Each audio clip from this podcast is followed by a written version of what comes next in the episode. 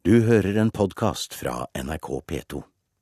I ettermiddag slapp Kulturdepartementet nyheten om at minnemarkeringen 22.07 bl.a. skal inneholde nye tekster av Karl Ove Knausgård og Frode Grytten.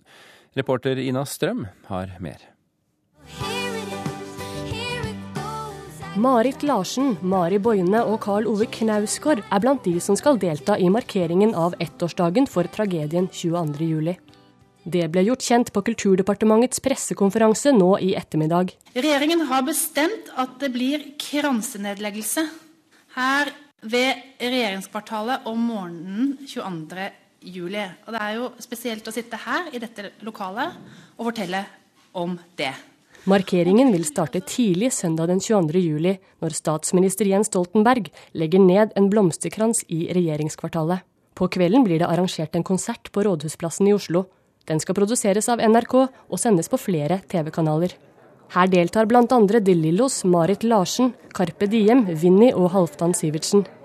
Forfatterne Karl Ove Knausgård, Åsne Seierstad og Frode Grytten skal lese nyskrevne tekster om 22. juli og det blir videoinnslag med noen av dem som ble rammet av fjorårets hendelser. Hva har vært det viktigste når dere skulle sette dette programmet?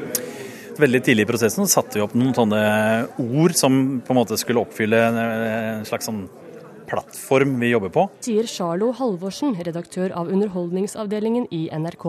Og det var jo toleranse og, og samhold og eh, ikke glemme å gå videre og en del sånne ting som, som eh, skulle være en overbygning på, på, konserten.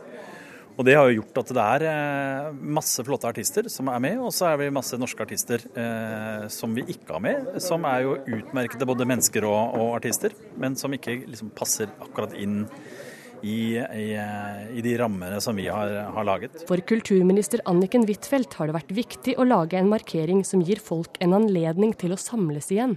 Det gjorde vi etter 22. juli for et år siden. Og det ønsker vi å skape rom for nå. Både ved kransenedleggelsen ved regjeringskvartalet om morgenen og på minnekonserten foran Rådhusplassen om kvelden. Nå har vi fått vite programmet. Mm. Hva er din første reaksjon på det? Nei, Programmet høres veldig OK ut. Trond Henry Blattmann mistet sønnen Torjus på Utøya, og leder den nasjonale støttegruppa etter 22.07. Forhåpentligvis så blir dette en veldig flott og verdig dag, for å si det sånn. Men det blir tungt. Men det er en milepæl, det også. Det er viktig å minnes. Hva blir viktig for deg den søndag 22. juli som kommer? Ja, Det blir viktig å være sammen med familien og minne Torjus. Det blir viktig. Agnes Moxnes, kulturkommentator her i NRK. Hva slags markering blir dette? Man må jo håpe, og det er jo ikke noen grunn til å ikke tro at det kommer til å bli en verdig markering, eh, det som eh, skjer den 22. juli i år. Når det gjelder liksom utvalget av eh, artister, så er det jo lett å bruke ord som at det er lett å forutse en del av de navnene. Men jeg tror at det de har tenkt når de har planlagt 22.07.2012, det er at de har satset på, på norske kunstnere som kan skape ord for fremtiden, altså kan, som kan gå inn og legge seg ved siden av, og kanskje også delvis eh, til tider erstatte en del av de ordene som er blitt brukt etter 22. juli. Altså eh, Nordahl Grieg, Ole Paus, eh, Lillebjørn Nilsen. En sånn ny dialog, rett og slett? Ja, eller iallfall en ny måte å beskrive det som har skjedd på, og også beskrive sorg på. Eh, sånn at når det kommer inn navn som Karl Ove Knausgård, Frode Grytten og Åsne Seierstad, så ser jeg veldig lyst på det. Og så legger jeg jo merke til at den artistgruppen som er valgt ut, også er folk som er flinke med ord. Så jeg tror ikke det er tilfeldig. Stian Vallum, kulturredaktør i Adresseavisen. Er dette noe du kan si deg enig i? Ja, det er vanskelig å være uenig i det kommentatoren sier der. Um, jeg tenker òg at uh, det er et fint trekk ved artistene som er valgt ut, at det er flere som har tilknytning også til hiphop-sjangeren. Uh, både gjennom Vinni og Carpe Diem. da. Uh, og at det har en ekstra gjenklang i den generasjonen som måtte betale den høyeste prisen etter terroren. Men, men er det likevel en viss grad av forutsigbarhet her, Valum? Det er klart at litt forutsigbart må nødvendigvis et sånt show uh, bli, hvis man kan kalle det en show eller et minnekonsert bli, da, fordi at det er en del uh, sanger vi vil høre, og som vil, vi vil ha godt av å høre en gang til. Uh, da tenker jeg på 'Tusen tegninger' og 'Sommerfugl i vinterland' og, og flere av dem.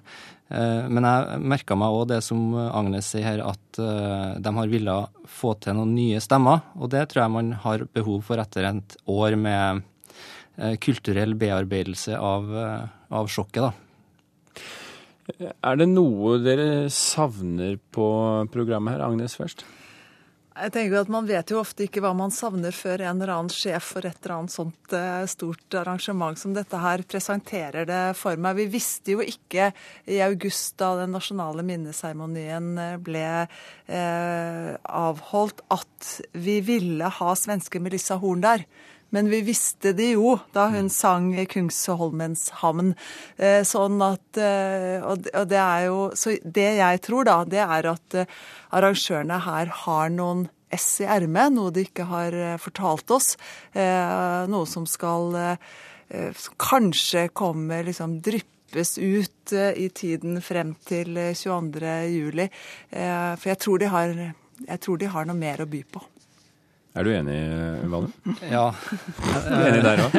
Jeg tror eh, absolutt at de har mer i ermet. Jeg syns det virka som de eh, sa det mellom linjene også i dag. At eh, det dette var de første artistene de hadde klar, bortimot. Og det første spørsmålet fra pressen etter pressekonferansen var jo også Kommer Bruce Springsteen?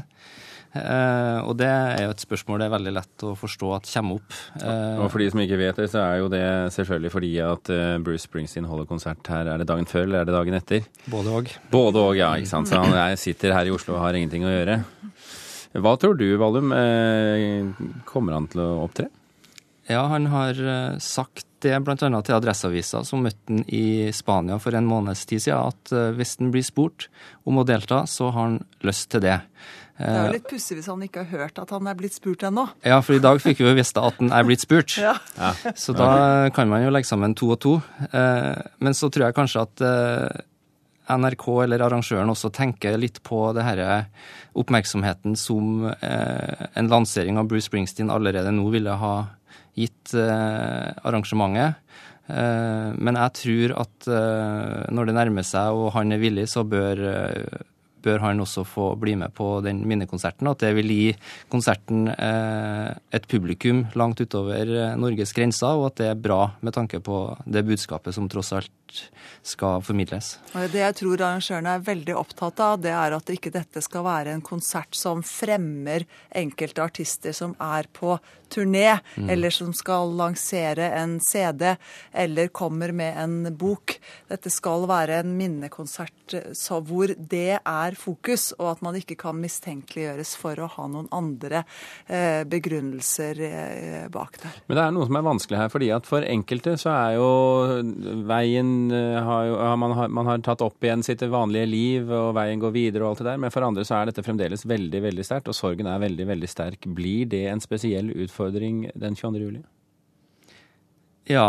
Eh, det blir jo det. Det var det også på minnekonserten i Oslo Spektrum. Eh, at, eh, og i alle former for kulturelle arrangement i etterkant der man man har på en måte både minnet og håpet og livstroa som skal blandes i hop. Eh, og at, eh, at det er ekstra viktig på denne ettårsmarkeringa, det er ikke noe tvil om.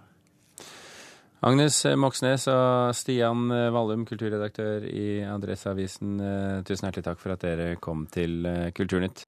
Du har hørt en podkast fra NRK P2.